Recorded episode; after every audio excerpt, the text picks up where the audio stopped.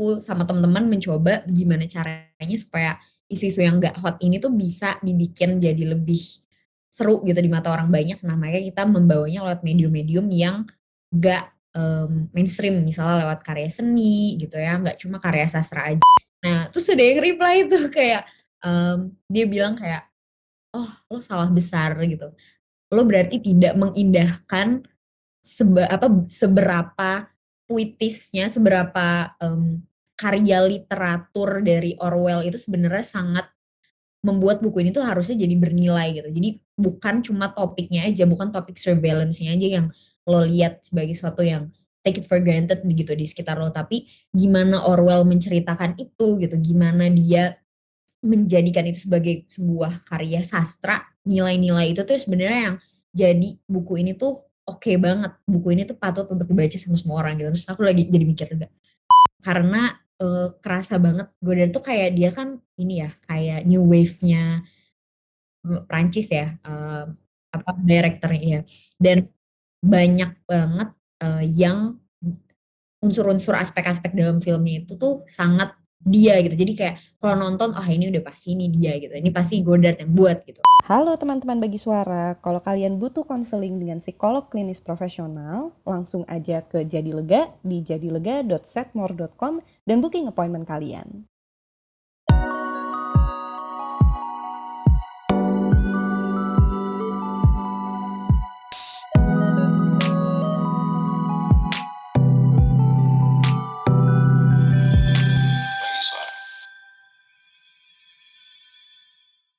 Bagi suara balik lagi hari ini sama Pit dan lagi-lagi sama Karisa di sini. Hai Kar. Hai semuanya, masih sama gue di sini.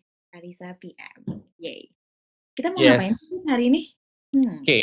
jadi uh, ini sebenarnya uh, apa namanya bakal harusnya bakal jadi episode yang cukup seru karena uh, kita bakal uh. ngobrolin banyak tentang buku, tentang literasi, uh, tentang film juga. -hmm Uh, jadi di sini kita sudah kedatangan uh, Vita dari @binokular.id. Hai Vita. Halo, halo halo Kak Karisa. Hai. Hai. Apa kabar? Baik, baik banget. Aku juga udah libur kan karena udah selesai uasnya jadi hmm. tinggal main mas yeah. akhirnya libur ya jadi ya karena agak berat nih ya semester 4 kemarin ada baru masuk peminatan kan hmm. di kampus jadi oke okay. ya. bisa dibilang peminatan apa sih jurusan apa sih fakultas apa sih kalian kenalan kali ya hmm, oke okay. ya halo teman-teman bagi suara mungkin aku kenalan dulu namaku Desvita Tria panggil Vita aja dan sekarang aku lagi mahasiswi jadi mahasiswi semester 4 mau ke 5 di ilmu komunikasi UI dan khususnya peminatan kajian media gitu kali ya. Hmm. Kajian media belajar apa aja sih? Hmm. Bener bener bener. Kayaknya pertanyaan banyak orangnya kayak kajian media tuh belajar apa karena jujur aku kayak dua tiga minggu di kajian media juga sama teman-teman bingung ini kita belajar apa sih sebenarnya guys karena awalnya kan kayak pengantar-pengantar gitu ya kayak teori media terus yang seru itu kayak belajar mobile culture jadi kayak okay. belajar budaya-budaya yang hadir di ruang digital gitu ya hmm. lewat uh, transformasi ke arah yang lebih kayak mobile devices gitu.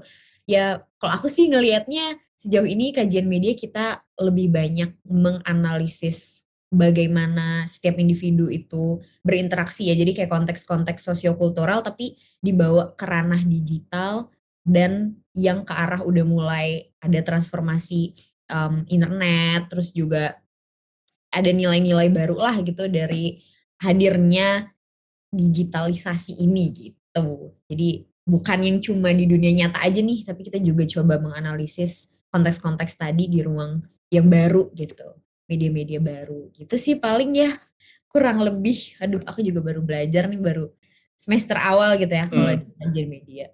Jadi okay. wow. belajar. Okay. Tapi uh, mungkin a bit on kajian media ya sebelum kita sebelum kita ke binokular gitu ya. Uh, apakah yang di apa namanya dibahas di maksudnya selama dua atau tiga pekan belakangan ini gitu apakah yang dibahas itu satu sesuai dengan uh, ekspektasi lo? yang kedua, apakah memang uh, kajian media yang dikaji di visip tuh uh, emang uh, berfokus pada hal-hal yang digital aja atau kayak sebenarnya bakal base juga nih ke media-media tradisional gitu? Hmm, iya iya. Kalau pertanyaan soal ekspektasi sangat terjawab sih, bahkan melampaui ekspektasi ya. Kayak, hmm. wah ternyata ada nih hal-hal yang aku nggak kepikiran gitu dari awal, itu ternyata dipelajari juga gitu di sini. Nah, kalau soal tadi ya media-media itu bener banget sih sebenarnya media tradisional juga masih dalam cakupan kita gitu kayak aku pas awal-awal tuh juga belajar kayak gimana sih orang-orang Indonesia tuh dulu untuk bisa dengerin lagu tuh kita harus ke counter dulu kan kayak ngeinstall lagu banyak gitu tapi secara ilegal gitu gitu kan itu jadi kultur juga kan yang pakai media tradisional gitu lah ya belum yang sifatnya nge-download upload kayak gitu di um, pakai internet gitu-gitu. Jadi sebenarnya media tradisional juga masih dalam lingkup pembelajaran kita gitu. Cuma um, kenapa tadi aku mungkin lebih banyak menekankan di ruang digital karena itu yang paling kerasa sekarang kali ya maksudnya ada di sekitar kita gitu jadi um, kita ada banyak transformasi juga nih dari yang tadinya cuma berinteraksi di dunia nyata aja gitu kan jadi kayak banyak beralih ke ruang digital itu jadi fokus utama mungkin ya tapi nggak melepaskan si media media lama ini gitu. Oke, okay. um, salah satu media digital yang memang uh, masif banget perkembangannya dari kira-kira 10 tahunan lalu lah gitu ya uh, ya mungkin 20 tahun terakhir lah dari dari awal-awal uh, abad ke-21 kan adalah media sosial gitu dan nggak uh, bisa kita pungkiri kayak media sosial yang paling berpengaruh mungkin sekarang tuh Instagram gitu kan. Uh, 10 tahunan belakang kurang lebih Instagram. Uh, dan di Instagram lo bikin media juga gitu binokular. Uh, main to tell us what is binokular? Oke, okay. uh, binokular itu sebenarnya kalau boleh jujurin itu project iseng-isengan aja nih sama teman-teman. Oke, okay, Oke, okay, iseng. Baik. iya, karena dulu tuh lagi UTBK kan, uh-huh. awalnya banget um, UTBK, terus kayak ma, apa ya? Fokusnya tuh cuma ngerjain soal gitu kan kita nggak ada kegiatan lain udah kayak antara lulus dan tidak gitu ya nggak ada ikut ekskul ada nggak ikut apa-apa gitu kan jadi uh, yaudah nih apa yang harus gue lakukan gitu biar ya udah nggak bosan ngerjain soal doang. Akhirnya ya udahlah sama temen-temen karena senang baca buku juga terus juga ngerasa kayaknya ada banyak orang yang merasa dapat manfaatnya nih dari aku suka sharing lagi baca buku apa kayak gitu. Kayak banyak nih teman-teman yang datang eh mau dong fit rekomendasi buku ini itu segala macam jadi kayak banyak pembaca pemula yang nggak tahu nih harus mulainya dari mana gitu. Dari eh, misalnya genre-genre yang dia suka gitu. Nah ya udah akhirnya kita di situ bikin binokular yang tujuan utamanya adalah untuk lebih ke klisenya ya meningkatkan literasi lah kayak gitu.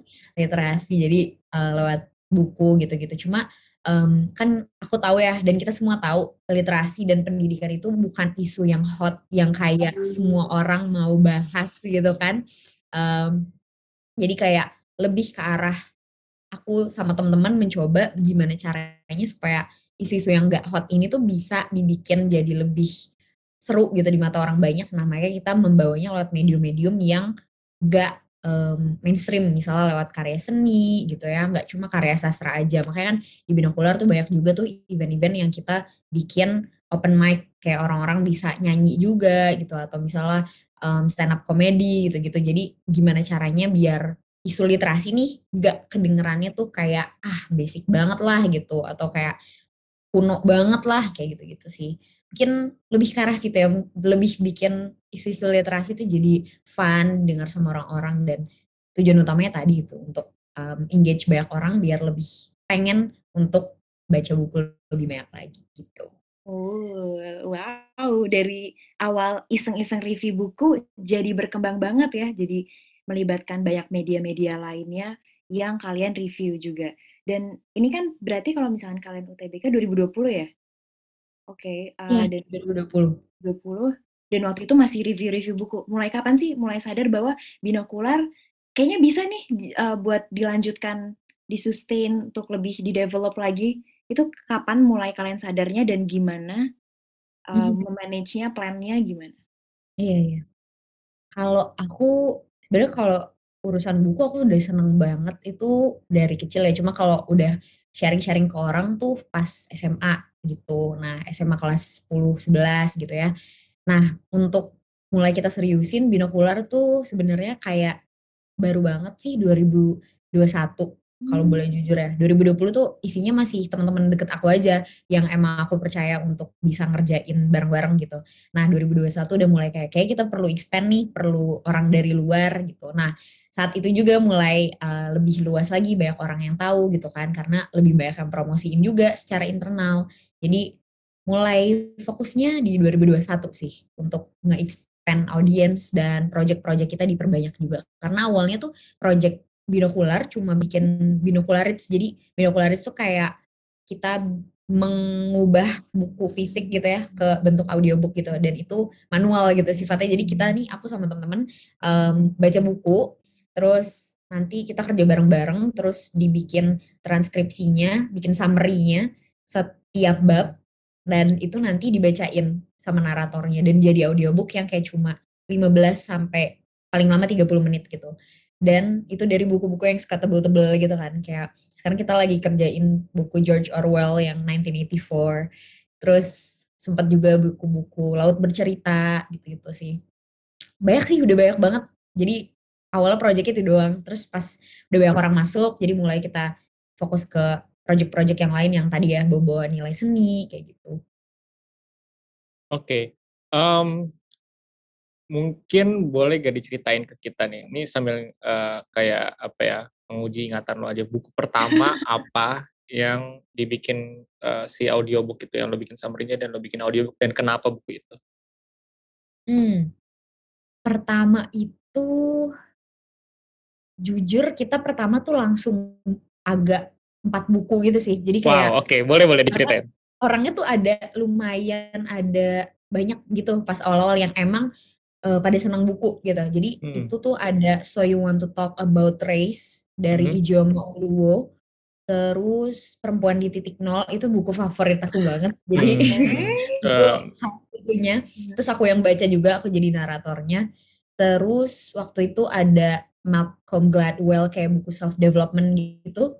Um, Blink, uh, dan satu lagi Blink. Blink itu John C. Maxwell ya. Apa kebalik ya? Oh, Blink itu Malcolm Gladwell hmm. ya. Jadi kayak dua ini tadi buku uh, self development dan yang dua sisanya lebih ke arah isu-isu sosial, politik gitu. Hmm. Gitu sih. Why? Why those books? Uh, mungkin why uh, So You Wanna Talk About Race sama bukunya Nawal El Sadadi, Sadawi? Sadawi. Sadawi. Yeah, hmm. Perempuan di, di titik nol. Iya. Yeah kalau so you wanna talk about race, jadi sebenarnya emang fokus utamanya binokular tuh pengennya kita bawa buku-buku yang bagus tapi masih jarang diketahuin sama banyak orang. Hmm. Cuma kayaknya kalau uh, perempuan di titik nol udah banyak yang tahu ya, tapi hmm. ya pengen lebih sounding lagi gitu. Cuma kalau yang so you want to talk about race itu emang um, salah satunya karena yang jadi tim penyusunnya itu dia udah cukup uh, mengerti soal isu itu di bukunya, terus juga jarang ya kita bawa uh, kekerasan rasial gitu dalam bentuk um, audiobook gitu di Indonesia gitu. Maksudnya apalagi dari perspektif negara yang emang punya banyak uh, kasus itu dan bisa dibilang uh, awal mulanya gitu ya semua dari sana gitu kan ini penulisnya dari Amerika terus juga hmm.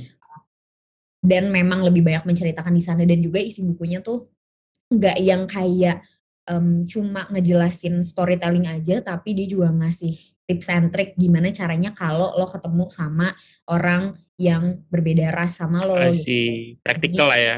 Hmm, praktikal. Jadi sekalian ngasih tips and trick lah gitu ke orang-orang. Terus kalau yang Nawal El Sadawi, ya itu sih kayak ini buku harus banget semua orang tahu. Hmm. jadi harus banget semua orang tahu dan ya udah makanya itu jadi buku pertama karena uh, aku juga senang banget dan udah kayak baca dua kali deh kayaknya itu hmm. buku yang versi Indo dan Inggrisnya um, ya emang bagus banget juga sih.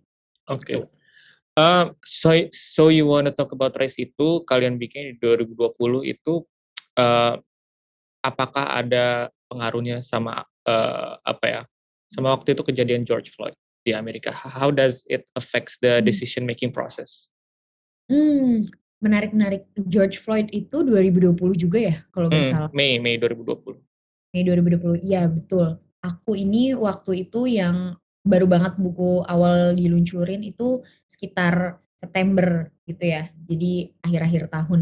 Dan bisa jadi itu uh, proses penyusunannya ya proses diskusinya karena kan kita milih buku tuh ada diskusinya dulu ya ini mau buku apa aja gitu biar genre-nya juga beragam gak cuma di satu topik aja nah pada saat itu kayaknya juga mungkin dalam proses diskusinya kita juga melibatkan salah satu kasus itu ya hmm. si George Floyd ini dan itu juga kasus George Floyd kan juga banyak yang menyangkut pautkan ke Indonesia ya soal uh, isu rasial dari teman-teman Papua hmm. dan yes ras lain gitu.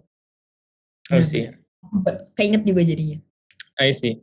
Uh, selain itu uh, sampai sekarang nih udah kira-kira mau dua tahun, boleh gak di-share ke teman-teman bagi suara nih kira-kira uh, program-programnya apa aja sih dari binokular, konten-kontennya apa aja sih gitu?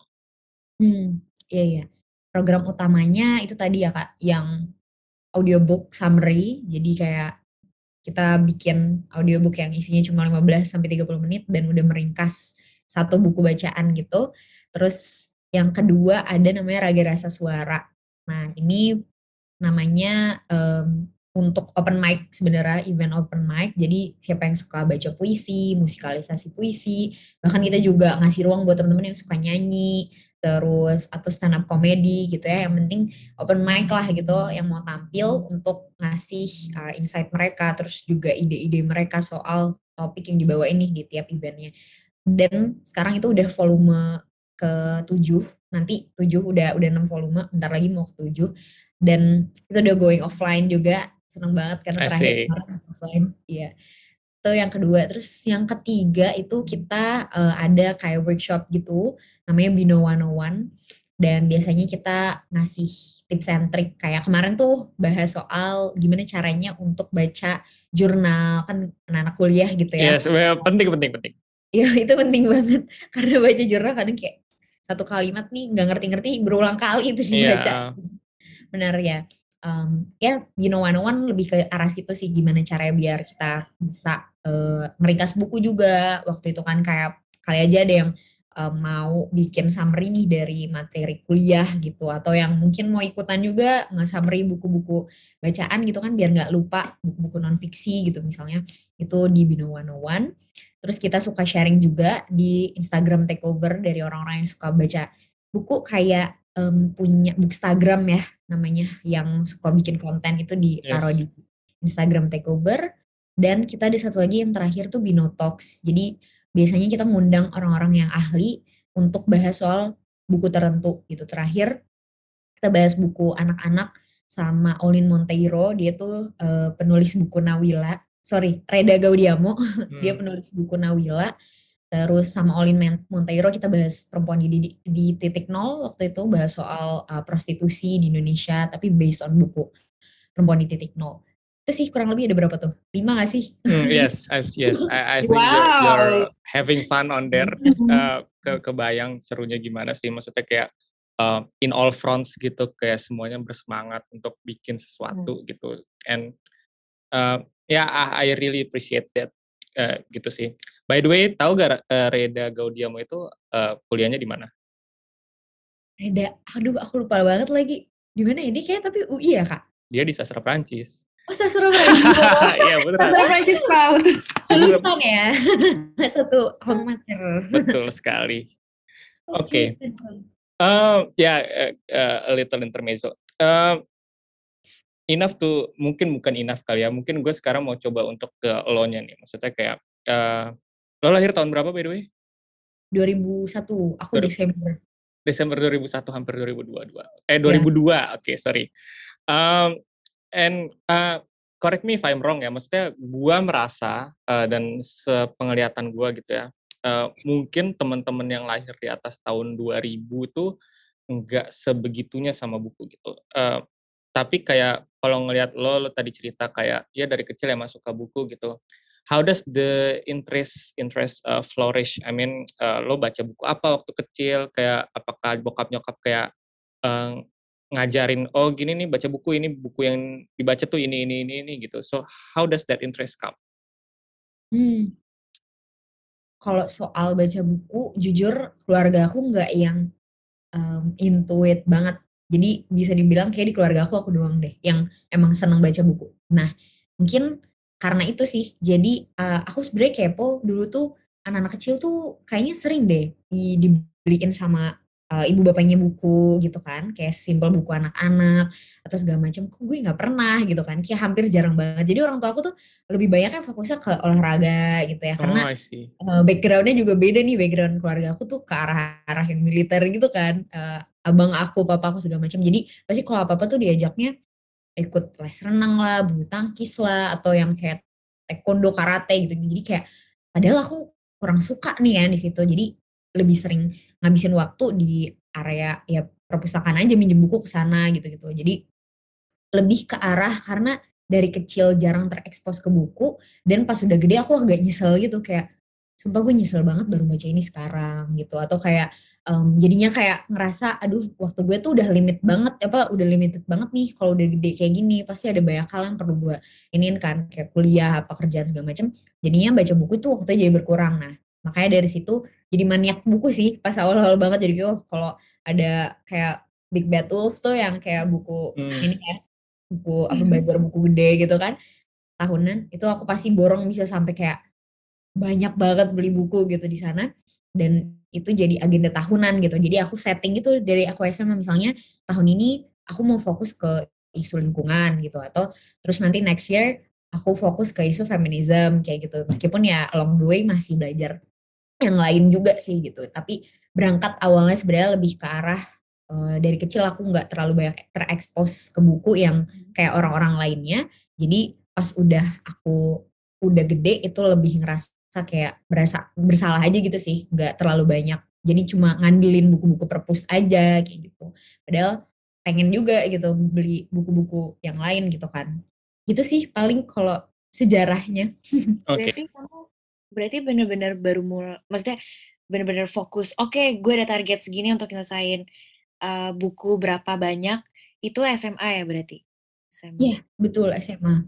Kalau dari kecil tuh aku lebih ke yang, ya itu tadi, pinjem hmm. perpus aja gitu. Jadi buku-buku yang emang aku tahu dari sekolah aja gitu. Hmm. Dan kamu sekarang targetnya per tahun atau per bulan itu berapa bukunya dan gimana dari goals kamu sama realistis kamu nih sejauh ini? gimana? Karena aku ngerti banget. Iya, ini agak menyeramkan sih karena goals aku cukup ambisius banget ya. Uh, pas awal-awal kalau pas SMA itu banyak yang tercapai kayak uh, aku sempat setahun tuh dulu kayak 20 sampai 30-an buku gitu kan. Tapi itu juga kayaknya nggak begitu banyak sih uh, dibanding teman-temanku yang lebih sering banget baca buku. Mereka ada yang kayak lebih ada yang kayak 50-an gitu dalam setahun. Jadi okay. ya aku dulu pas SMA bisa kayak 20 uh, 20-an setahun. Kalau sekarang nih pas kuliah nurun banget, nah, nurun banget, aku iya. sedih banget karena iya emang sibuk kan sibuk sibuk, sibuk banget kayak yang tadi aku bilang kan aduh nyesel banget nih baru baca bahkan kayak buku-buku lama ya kayak buku apa ya The Little Prince-nya hmm. siapa uh, Siapa ayo? Siapa ayo? Kan Exuper itu namanya ya. aku nggak baca ya, kalau ya. ya. Oke. Okay. Ya yeah. itu uh, kayak itu kan buku lama ya yang kayak yang bagus yang kalau udah tahu dari dulu harusnya bisa nih gue baca gitu dan ya pokoknya uh, gitu sih pas kuliah udah mulai nurun terus karena sering baca jurnal gitu-gitu kan hmm. dan kebanyakan baca-baca buku uh, yang non fiksi maksudnya buku materi gitu tapi seru juga sih gitu uh, buku materi-materi kampus gitu uh, di kajian media jadi kalau pas sekarang mungkin hmm, belasan sih palingnya per tahun gitu kadang juga um, itu kayak nggak sampai habis gitu loh per buku kayak setengah atau um, dua per tiganya kayak gitu. Kamu tuh tipe orang yang oke okay, gue harus selesaiin satu buku ini terus baru gue pindah ke next book atau kayak ya udah deh gak apa-apa deh intip dulu buku ini intip buku ini selesai selesai tapi jadinya gitu. Kamu yang mana? Aku yang kedua banget sih. Yang kedua. yang kedua banget kayak gak bisa fokus ke hmm. satu buku gitu kayak tapi itu juga terjadi di hal lain sih, nggak apa, Oh. maksudnya bukan cuma baca aja gitu. Kayak nonton pun gitu, kadang aku kayak suka kesel aja gitu, aku tuh nonton tuh misalnya film one shot gitu yang, eee, kayak cuma enggak berepisode itu misalnya 2 jam, itu aku bisa yang kayak 2 hari gitu kalau dia seru banget ya. Jadi hari ini tuh kayak 30 menit, terus entar aku cut, entar besok lagi lanjut. Jadi aku tuh harus fokus gitu kayak, eee, dan suka aku mundur-mundurin kan kalau Mmm. nonton gitu, "Ini maksudnya apa ya?" Jadi kayak ya gitu sih, kadang suka dibagi fokusnya ke yang lain gitu, kalau kepo juga sama yang lain.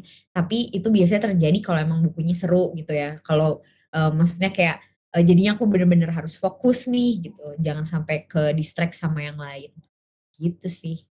Ini menarik ya, maksudnya attention span kamu tuh cepet hilang ya kayaknya.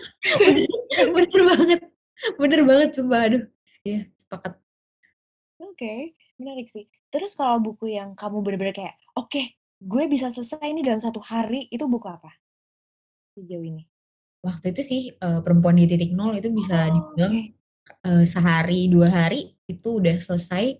Terus buku karena aku lagi sekarang aku lagi pengen fokus ke sastra-sastra lama Indo ya, eee, oke. aku lagi baca Siti Nurbaya, Marah Rusli. Itu juga nggak Mhm. lama, aku kayak cuma 3 hari, tapi nggak sehari juga sih karena kan tebel banget ya. Cuma, eee, dia aku dapet banget gitu, flow-nya tuh dapet banget, jadi kayak paling 3 hari kalau nggak salah. Oke, menarik. Aku juga suka banget by the way, eee, ngulik-ngulik sastra Indonesia karena menurut aku banyak banget resource yang bagus banget nih, tapi susah banget di-reach, Mhm. gitu sih. Eee, kamu saat ini list wishlist kamu apa aja buat sastra Indonesia? Sastra Indonesia, mmm, jujur aku belum bikin wishlist nih sih. Jadi Oke. aku baru baca si Marah Rusli itu, Mmm. terus paling, mmm, ini ya, mungkin aku pengen ngulik juga buku-bukunya Gunawan Muhammad, Ah, mmm, tapi oke. dia kan bukan, mmm, Lebih puitis ya? lebih ke lebih ke puisi dan buku-buku non-fiksinya yang ngulik soal pemikir-pemikir luar gitu. Jadi biar, mmm, dapet referensi karena kan kadang susah ya misalnya pengen tahu, mmm, ide-idenya Sartre gitu atau kayak Albert Camus gitu-gitu kan, Nice nice. baca bukunya Kalau baca langsung Mau pusing jadinya. ya, Eh, abis ini kalau mau gua kasih gua kayaknya masih ada deh kayak, apa Oke. namanya, eee, presentasi dosen gua gitu. Mungkin bisa gua kasih abis ini. Eee, let me Boleh check let me check. boleh Karena banget. Karena gua juga nggak baca. Jadi, eee, fun fact gitu ya di di apa namanya, di sastra Prancis, eee, Mhm. sebelum apa namanya, sebelum kurikulum baru yang ada kampus merdeka itu gitu kan, eee, di semester 6 tuh ada kayak, eee, matkul filsafatnya gitu. Jadi kita jadi, eee, sharing kayak pemikir Prancis itu kan banyak banget gitu kan. Jadi, eee, kayak beberapa apa, bukan beberapa sih, kayak ada sepuluhan pemikir Prancis yang paling berpengaruh abad 20 sampai sekarang gitulah. Kita tuh kayak ngulik gitu loh pemikirannya apa, terus, eee, lebih ke ini sih, lebih ke apa namanya, dari dia dari kira-kira bener pertengahan, eee, 40, 50 gitu kan Sartre, Camus, eee, terus feminisme de Beauvoir, terus lanjut ke apa, eee, postmodern sampai ke, eee, Derrida gitu-gitulah pokoknya. Eee, dan itu menarik banget emang. Itu apa namanya, emang, eee, emang pemikirannya, ngobrolnya, diskusinya di kelas tuh emang, eee, menarik banget dan itu kayak, eee, gua pribadi sih ya, maksudnya setelah masuk kelas itu dan kayak keluar dari kelas itu setelah 1 semester itu kayak wow, tercerahkan gitu loh, kayak wow wow wow wow gitu loh. Kayak Kayak a masuk apa gitu? Iya, kayak I can't see the world the same again gitu. Beneran beneran beneran. Jadi oke kayak sungguh emang emang gitu ya, maksudnya emang pengetahuan, buku, eee, apa namanya, diskusi, itu emang kayak bener-bener bisa ngubah lo banget gitu loh. Eee, and talking about that gitu, eee, bisa nggak kayak, eee, lo share 1 buku gitu yang yang bener-bener mengubah lo gitu, kayak wow banget gitu loh, kayak membuka cara pandang lo lah, terus kayak atau mungkin kayak lo, eee, mungkin kayak nggak percaya akan suatu hal lagi setelah membaca Mmm. suatu buku ini gitu, ada nggak, eee, yang kayak gitu lo? Selain Perempuan Titik Nol. Nah itu ya, bener banget. Oh, Selain itu itu. udah jelas ya. Iya iya. Mmm, paling ini ya, buku ini sebenarnya setelah aku pikir ini kayak sebut dulu deh George Orwell 1984 sih menurutku. Aku bacanya hmm. SMA kelas 10 kalau nggak salah. Dan um, itu bener-bener kayak wah anjir nih gitu. Apalagi ini kan ditulisnya uh, sebelum waktu itu kan jadi dia memprediksi kan sebenarnya si George Orwell ini. Dan tapi sekarang aku melihat buku itu kayak sebagai suatu, suatu yang take it for granted gitu si soal surveillance ini karena kayak ini udah ada di mana-mana gitu. Jadi kayak um, apalagi aku belajar soal itu juga kan uh, di mata apa peminatan aku gitu. Jadi hmm, ngerasa media. ini sebagai sesuatu yang kayak udah biasa banget gitu. Hmm. Tapi uh, aku tuh sempet kayak Twitter gitu sama orang. Wah, kenapa kenapa kenapa kok bisa? Tentang buku George Orwell ini gitu. Okay. Nah, um, aku dulu suka banget gitu kan pas SMA ini aku kayak ngerasa wah gila nih ini hmm. buku uh, sangat bikin gue jadi uh, apa ya lebih aware sama banyak hal gitu apalagi hmm. di sekitar. Nah tapi karena tadi gitu kan uh, di kuliah jadinya ngerasa ini kayak oh ya udah gitu ini hal biasa sebenarnya gitu kan. Nah pas uh, di Twitter ini aku bilang kayak gitu kayak ya udah oh jadi itu dulu uh, tweet dari Goodreads kayak buku apa yang orang orang-orang tuh bilang lo harus baca tapi lo nggak pernah baca gitu kan. Nah, hmm. nah itu gue 1984 tuh. Iya, ada yang komen George Orwell 1984 gitu kan. Terus aku reply dong kayak ya udah nggak apa-apa itu kayak lo baca itu juga pasti udah oh ya udah ini emang terjadi gitu loh di sekitar hmm, lo jadi kayak bukan suatu yang baru gitu kan. Hmm. Nah terus ada yang reply itu kayak um, dia bilang kayak oh lo salah besar gitu. Lo berarti tidak mengindahkan seba, apa seberapa puitisnya, seberapa um, karya literatur dari Orwell itu sebenarnya sangat membuat buku ini tuh harusnya jadi bernilai gitu. Jadi bukan cuma topiknya aja, bukan topik surveillance-nya aja yang lo lihat sebagai sesuatu yang take it for granted gitu di sekitar lo, tapi gimana Orwell menceritakan itu gitu, gimana dia menjadikan itu sebagai sebuah karya sastra, nilai-nilai itu tuh sebenarnya yang jadi buku ini tuh oke okay banget. Buku ini tuh patut untuk dibaca sama semua orang gitu. Terus aku lagi jadi mikir juga, hmm iya juga ya gitu terus kayak wadah ini gue kemakan omongan sendiri deh gitu. Tapi kayak ya hmm. setelah dipikir-pikir lagi menurutku uh, bagaimana Orwell bisa come up dengan ide itu di tahun sekian puluhan tahun sebelum 84 terjadi gitu kan. Terus um, apa ya kayak ambience yang dia bawa juga di dalam bukunya gitu. Kayak aku benar-benar ngerasa oh gue lagi di apa diawasi sama Big Brother kayak gitu setelah aku coba uh, buka-buka lagi bukunya dan ya benar gitu maksudnya ada nilai-nilai apa ya uh, dari segi literaturnya yang terlupakan gitu kadang uh, itu sih um, mungkin ya yang kalau bahas soal buku apa yang benar-benar menurutku sangat mengubah gitu ya itu adalah 1984 paling uh, di luar dari itu satu lagi hmm, ini ya si siapa Jared Diamond yang Gun, Germs and Steel itu, yeah. itu hmm. juga sangat ini sih. I see. eye opening. Oke, okay. uh, two things uh, from my sense about that. Uh, buku yang tadinya kan lo ngerasa kayak 1984 tuh uh, apa ya kayak ya udahlah gitu kayak biasa aja gitu uh, akhirnya lo nanti tahu kayak ya lo udah di situ gitu loh, lo udah merasakan seperti apa yang tokoh itu rasakan, jadi kayak biasa aja gitu. Uh, gue inget kayak satu satu atau dua tahun yang lalu gitu, gue baca Hemingway yang uh, The Old Man and the Sea, tapi versi terjemahan bahasa Indonesia-nya gitu. Gue nggak tahu entah karena ada uh, apa namanya ada apa ya boundary bahasa gitulah ya. Jadi kayak pas pas gue lihat belakangnya kan maksudnya sebelum gue baca gue lihat belakangnya kan kayak oh ini menang Nobel sastra bla bla bla bla bla bla gitu kan menang Pulitzer juga kalau sastra juga oh excited to read gitu kan terus pas gue gue selesai baca terus kayak ini bagian mananya ya membuat ini menang sastra gitu tapi kayak ah, gue nggak tahu mungkin mungkin itu ada ya itu lagi uh, boundary bahasa dan juga ya mungkin ada beberapa apa namanya hal-hal yang uh, kita kita masih sangat awam lah penilaiannya dibandingkan uh, orang-orang yang lebih ahli di bidangnya. Uh, yang kedua, uh, mungkin kalau misalkan gue boleh ngasih saran, kalau misalkan lo udah baca Orwell gitu ya, uh, pengawasan, surveillance dan segala macam, lo coba baca Foucault deh. Atau enggak ya nggak nggak usah baca lah karena Foucault tuh susah. Kayak apa namanya cari tahu tentang Foucault uh, and ya itu yang membuat gue keluar dari situ kayak oke okay, the world is not the same anymore gitu lah keluar dari kelas uh, filsafat tadi. Gitu. Uh, but what about film? Uh, ada poster Leon di belakang gitu ya. Uh, atau Karisa excited banget. Um, film apa nih yang kira yang lo tonton yang ya itu yang eye opening juga uh, ataupun mungkin gak usah eye opening ya kayak wow gue nggak pernah lihat film kayak sebagus ini gitu, seindah ini gitu. Ada nggak hmm. film apa tuh? Iya. Uh, lagi-lagi dari Prancis, uh, Jean-Luc Godard. Gimana sih bacanya Godard? Jean-Luc Godard.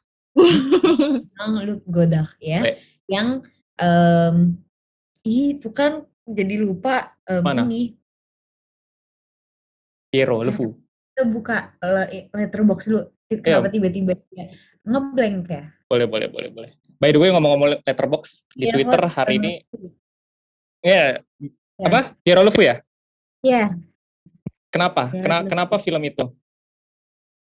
Kenapa? Karena uh, itu sebenarnya my first entry juga sih ke karya-karyanya Godard. Kayak aku pertama eh, nonton itu, terus um, yang Women Without Men, Uh, tapi pas aku coba compare dan lain sebagainya, kayaknya yang Pierre Lemvu ini, hmm, oke okay banget gitu loh. Karena, uh, kerasa banget Godard tuh kayak dia kan ini ya, kayak new wave-nya Prancis ya, uh, Betul. apa, direkturnya ya. Hmm. Dan banyak banget, uh, yang unsur-unsur aspek-aspek dalam filmnya itu tuh sangat dia gitu. Jadi kayak kalau nonton, "Oh ini udah pasti ini dia," gitu, "ini pasti Godard yang buat," gitu kayak dia tuh suka uh, nambahin um, scoring musik yang misalnya lagi adegan tonjok-tonjokan nih, lagi berantem apa segala macem.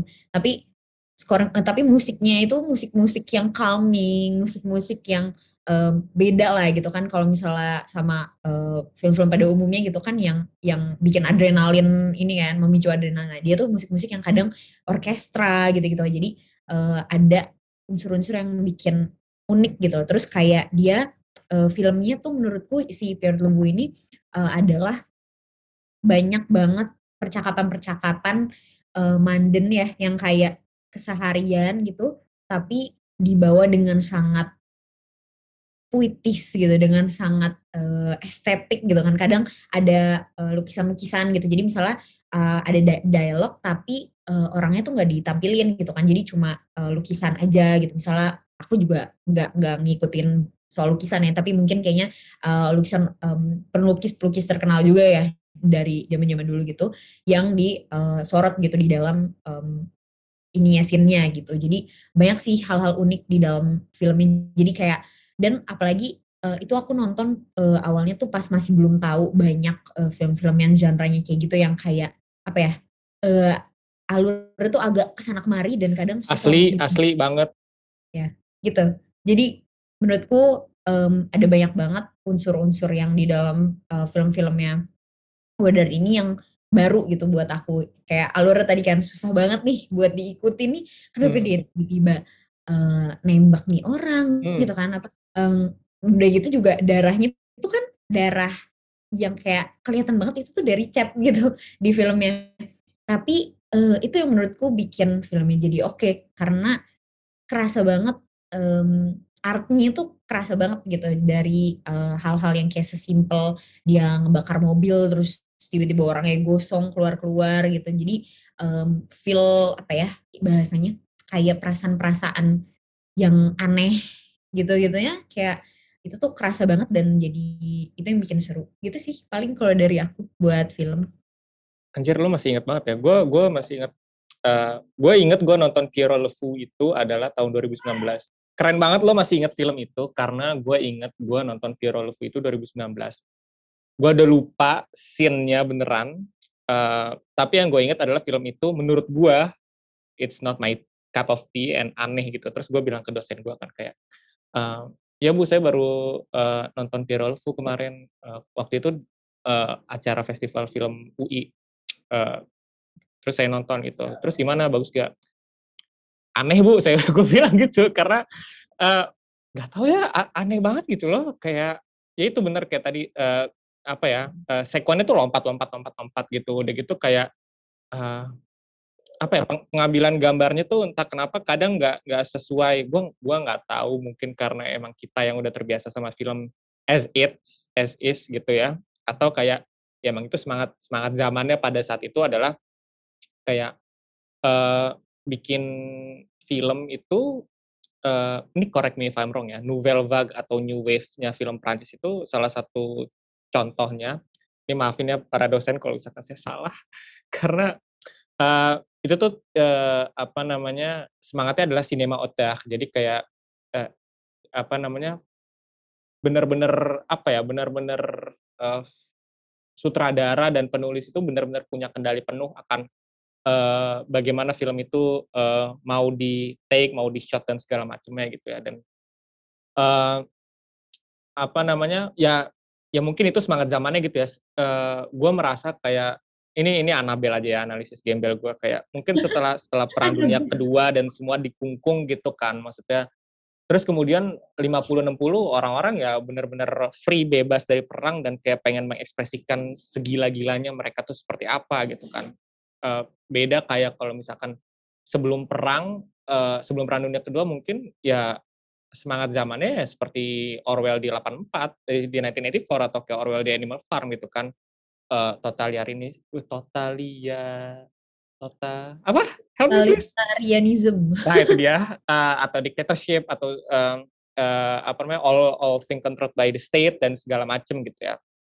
Dan memang uh, menurut gua kayak apa ya hal-hal uh, besar di yang terjadi di dunia gitu bahkan bahkan pandemi juga pasti bakal mengubah semangat zaman dan uh, terrepresentasikan dengan karya-karya yang hadir pada saat itu gitu uh, menurut lo kayak uh, lo kan lahir di atas tahun 2000 gitu dan kayak in 20 years there is so much that has changed gitu ya kayak uh, uh, I don't know kayak Indonesia beberapa tahun terakhir kayak makin sulit untuk uh, mengeluarkan pendapat gitu kayak pandemi uh, uh, sosial media everything is going at a pace gitu Uh, menurut lo uh, semangat zaman yang bukan semangat zaman kayak uh, isu apa sih yang kayak banyak banget uh, di, dibicarakan oleh karya-karya sekarang gitu atau mungkin belum dibicarakan tapi menurut lo kayak ini harus penting banget ya untuk membicarakan ini.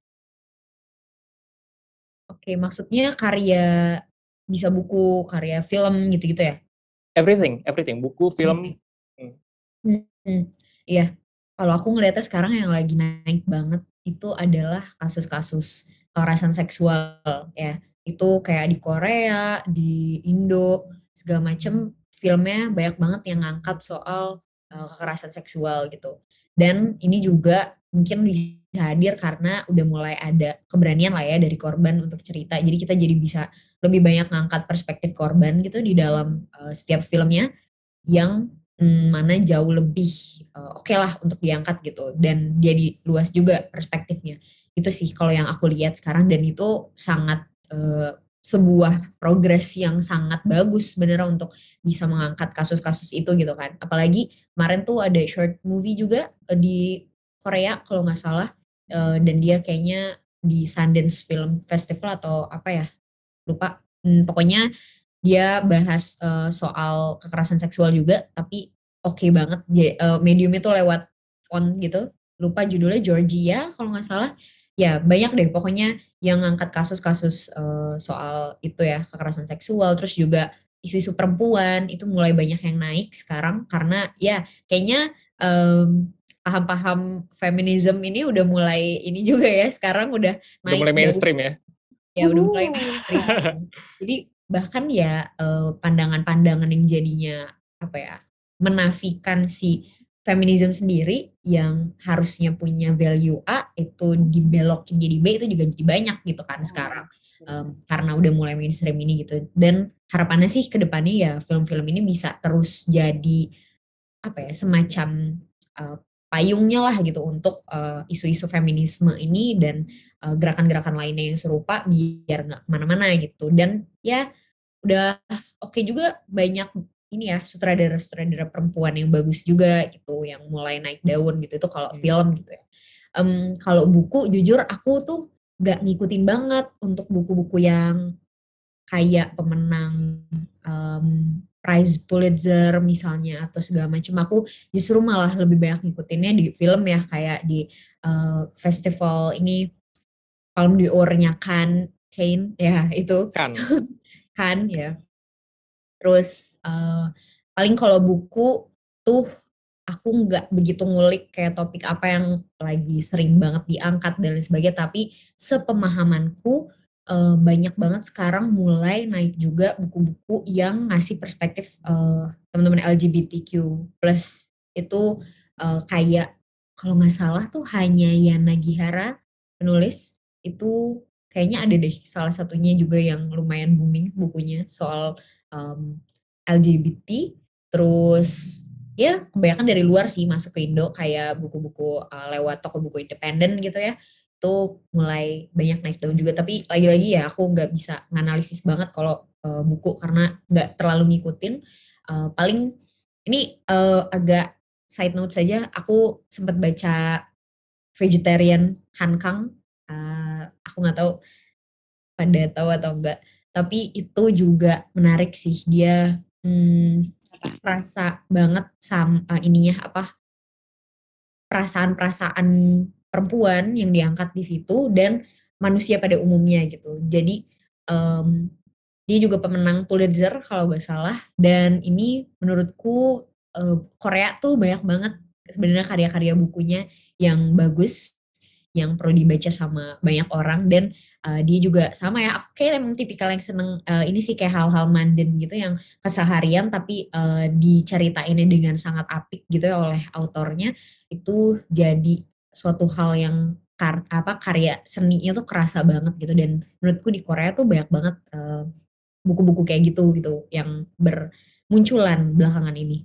Paling itu sih kalau menurutku tapi kalau ditanya yang paling penting apa um, kayaknya semua hal itu punya porsinya masing-masing ya. Jadi nggak um, bisa kayak aku bilang harus banyakin topik tentang apa-apa segala macam. Tapi at the end of day aku sangat senang udah banyak film dan buku mungkin to some extent um, yang mengangkat isu-isu soal perempuan dan kekerasan seksual dan pakainya juga perspektif korban dan dianalisisnya juga dengan cara yang jauh lebih uh, kritis gitu ya dan audiensnya juga banyak uh, senangnya gitu itu sih paling kalau dari aku lo tau gak menurut gue ya lo mesti pindah ke fakultas sebelah sih gitu.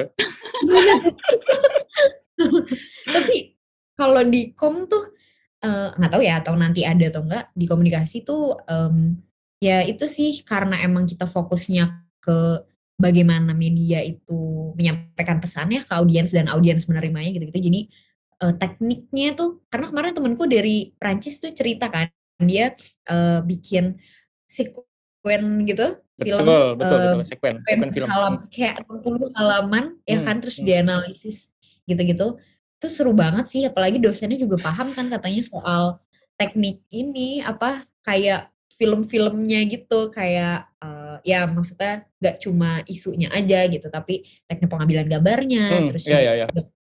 Ya itu seru sih dan aku nggak dapet itu gitu jarang biasanya dosen yang suka film juga boleh lah ntar kita ngobrol-ngobrol itu bisa itu. belanja gitu gak sih? Bisa, eh. bisa ya.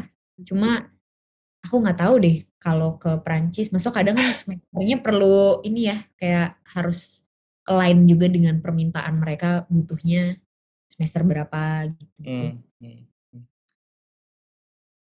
Iya, uh, dia tadi apa balik ke temen lo yang lo, menurut lo seru itu gitu ya. Jadi kayak uh, kalau gue boleh cerita uh, dari tadi gue juga cerita terus sih. Jadi kayak kita tuh dari semester 4 mata kuliah pertama pengkajian sinema tuh emang harus bener-bener uh, disuruh bikin uh, sekuen gitu karena apa namanya ya sat, satuan terkecil film lah dibilangnya itu sekuen. Jadi kayak uh, biar biar apa ya biar pemikirannya tuh juga runut gitu karena kayak struktur struktur suatu karya gitu kan itu juga mempengaruhi gimana uh, karya itu di dianalisis gitu. Jadi ya ya kayak gitulah gitu. Dan uh, bener banget kayak apa ya kayak kamera uh, gerak gerak kamera dan segala macamnya karena emang TA gue juga korpusnya film emang emang penting banget kayak gitu-gitu loh. Dan emang apa namanya suatu pengambilan uh, teknik gambar tertentu di suatu adegan tertentu tuh emang ada ada signifikansinya, ada maknanya. Gitu. Jadi kayak uh, ya emang seru betul seru. Tapi uh, waktu waktu dulu ngerjain kayak agak berdarah-darah kayak aduh kenapa kita harus kerja sekuen ini kayak uh, kayaknya film kayak aku tuh sekuennya kayak ada sampai 40 50 gitu deh kurang lebih. Oke, okay, by the way, uh, kita udah jauh banget nih ngobrol, udah seru banget uh, ngobrol sama uh, Vita. Mungkin uh, Fit uh, one last question uh, dari gue gitu. Dan gue bener, gue beneran penasaran banget sih tentang ini gitu. Uh, lo tuh angkatan 2020 tuh kena uh, kampus Merdeka gak ya? Kena. Uh, uh, uh, gue sebagai anak angkatan yang nggak dapet kampus Merdeka gitu ya. Uh, dengar cerita dari kayak dosen-dosen gue gitu, gue merasanya kayak uh, kampus merdeka dengan segala kebebasannya gitu, uh, itu malah membuat uh, apa ya? Jadi kan uh, dari tadinya misalkan mata kuliah 8 semester atau 7 semester terus mesti di di di, di apa di reduce jadi 6 semester gitu kan. Dan itu kayak agak agak sulit untuk mengajarkan kepada mahasiswa uh, suatu konsep atau suatu hal yang dasarnya nggak bisa diajarin karena emang mesti di-cut gitu. Kalau enggak nggak nggak masuk lah uh, apa namanya uh, alokasi uh, SKS dan lain sebagainya gitu. Dan kayak apa ya? Dan kayak bikin uh, yaitu kerangka berpikirnya jadi nggak seperti yang diharapkan oleh para pengajar gitu. Seng seenggaknya itu yang itu yang gua uh, dapat dari uh, dosen-dosen gue gitu. Dan gue juga ketika diceritain gue juga kayak mikir kalau misalkan pun gue kena kampus merdeka gitu ya benar juga sih maksudnya dengan dengan segala apa yang sudah gue pelajari gitu kayaknya jadi kurang kurang kurang apa ya kurang mudah untuk menangkap suatu materi di semester semester akhir gitu ketika uh, apa ya basisnya tuh nggak nggak apa nggak kuat gitu di semester semester awal gitu. Uh, lo ketika kuliah ada ngerasa gitu nggak? Karena uh, ya itu mungkin uh, ada beberapa mata kuliah di awal yang mesti dimampetin atau segala macam dan kemudian jadi kayak ada gap gitu loh ada uh, apa gap of understanding ketika uh, lo sudah masuk ke semester semester ya itu empat lima enam. What do, what do you think about that? And and kampus merdeka in general. Oke okay, oke. Okay. kalau soal dipadetin jujur pas semester awal um, sangat ngerasa fleksibel sih kayak ngerasa materi-materi kuliahnya tuh bisa banget nih untuk diikutin dan mungkin beda kali ya tiap jurusan tapi dan beda juga bagaimana hmm, kita bener, bener. menangkapnya gitu. Tapi kalau di komunikasi uh, dan fisip gitu ya karena semester awal tuh paling banyak kita dapatnya matkul-matkul yang satu fakultas gitu itu masih bisa diikutin banget gitu. Dan sekarang pas udah masuk semester 4 juga masih aman sih normal menurutku. Belum ada kayak wah tiba-tiba jadi uh, padat banget atau jadi susah apa gimana uh, belum sampai situ atau mungkin nanti di 5 6 dan seterusnya kita nggak tahu ya tapi so far aku sangat ngerasa ini aman banget tapi yang aku suka banget denger keluhan anak-anak uh, politik ilmu hmm. politik itu kurikulumnya katanya sangat membebani mereka lah gitu suka hmm. berubah tiba-tiba gitu terus tiba-tiba mereka boleh apa harus belanja nih di semester sekian apa semester sekarang nih empat gitu. Dan padahal nggak dikasih tahu dan dari sebagainya. Jadi harus riset-riset dulu nih mau ngambil matkul apa segala macam. Politik tuh banyak keluhan sih kemarin dengar. Cuma kalau di komunikasi so far aman banget dari yang aku rasain. Dan juga paket-paket kan itu udah dipaketin ya dari awal. Terus juga udah ada kalender akademiknya yang kayak uh, semester 5 6 itu biasanya peminatan ini ngambilnya apa-apa-apa gitu belanjanya di berapa SKS gitu-gitu itu udah ada gitu loh. Jadi so far aku ngerasanya cukup aman kalau di komunikasi. Tapi untuk kom apa untuk kampus Merdeka secara general ya aku sangat uh, merasa apalagi ini sebenarnya baru tahun kedua ya.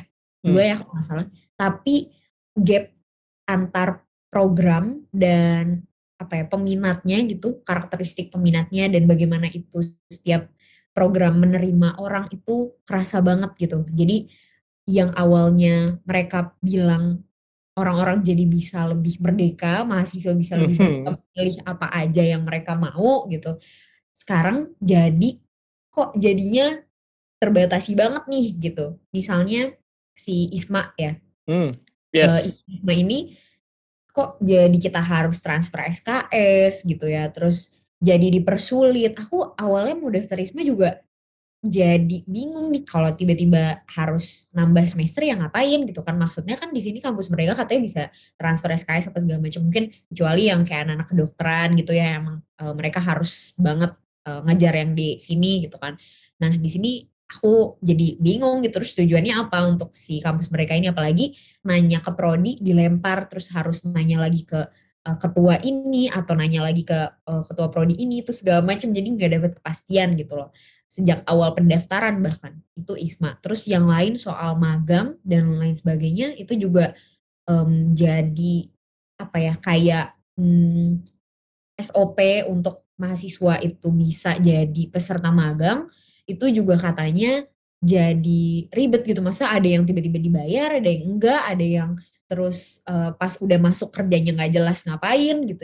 Cuma disuruh-suruh aja. Karena um, linknya kan dari kampus ke ini ya ke company secara formal gitu. Jadi kayak kadang ada company-company yang oh ya udahlah yang penting secara title gue udah hire anak ini lewat kampus merdeka gitu segala macam jadinya nggak proper gitu ketika dikasih kerjaan segala macam tapi kan beda ya kalau kita magang beneran uh, daftar gitu ngelewatin interview segala macam kan pasti udah tahu gitu kalau ini anak kerjanya mau ngapain apa segala macam dan ya mereka emang butuh juga gitu. Nah beda nih sama kampus mereka ada beberapa yang cerita juga jadi mereka kerjanya nggak jelas gitu. Cuma yang ada yang kayak harusnya ngapain tuh malah disuruh jadi ini fotokopi atau kerjain yang lain gitu-gitu. Itu banyak sih kayak gitu. Dan menurutku um, apa ya gap juga nih dari kampus Merdeka adalah um, nanti yang awalnya value-nya adalah siapa pun itu mahasiswa tipe apa pun itu bisa memilih program apa pun itu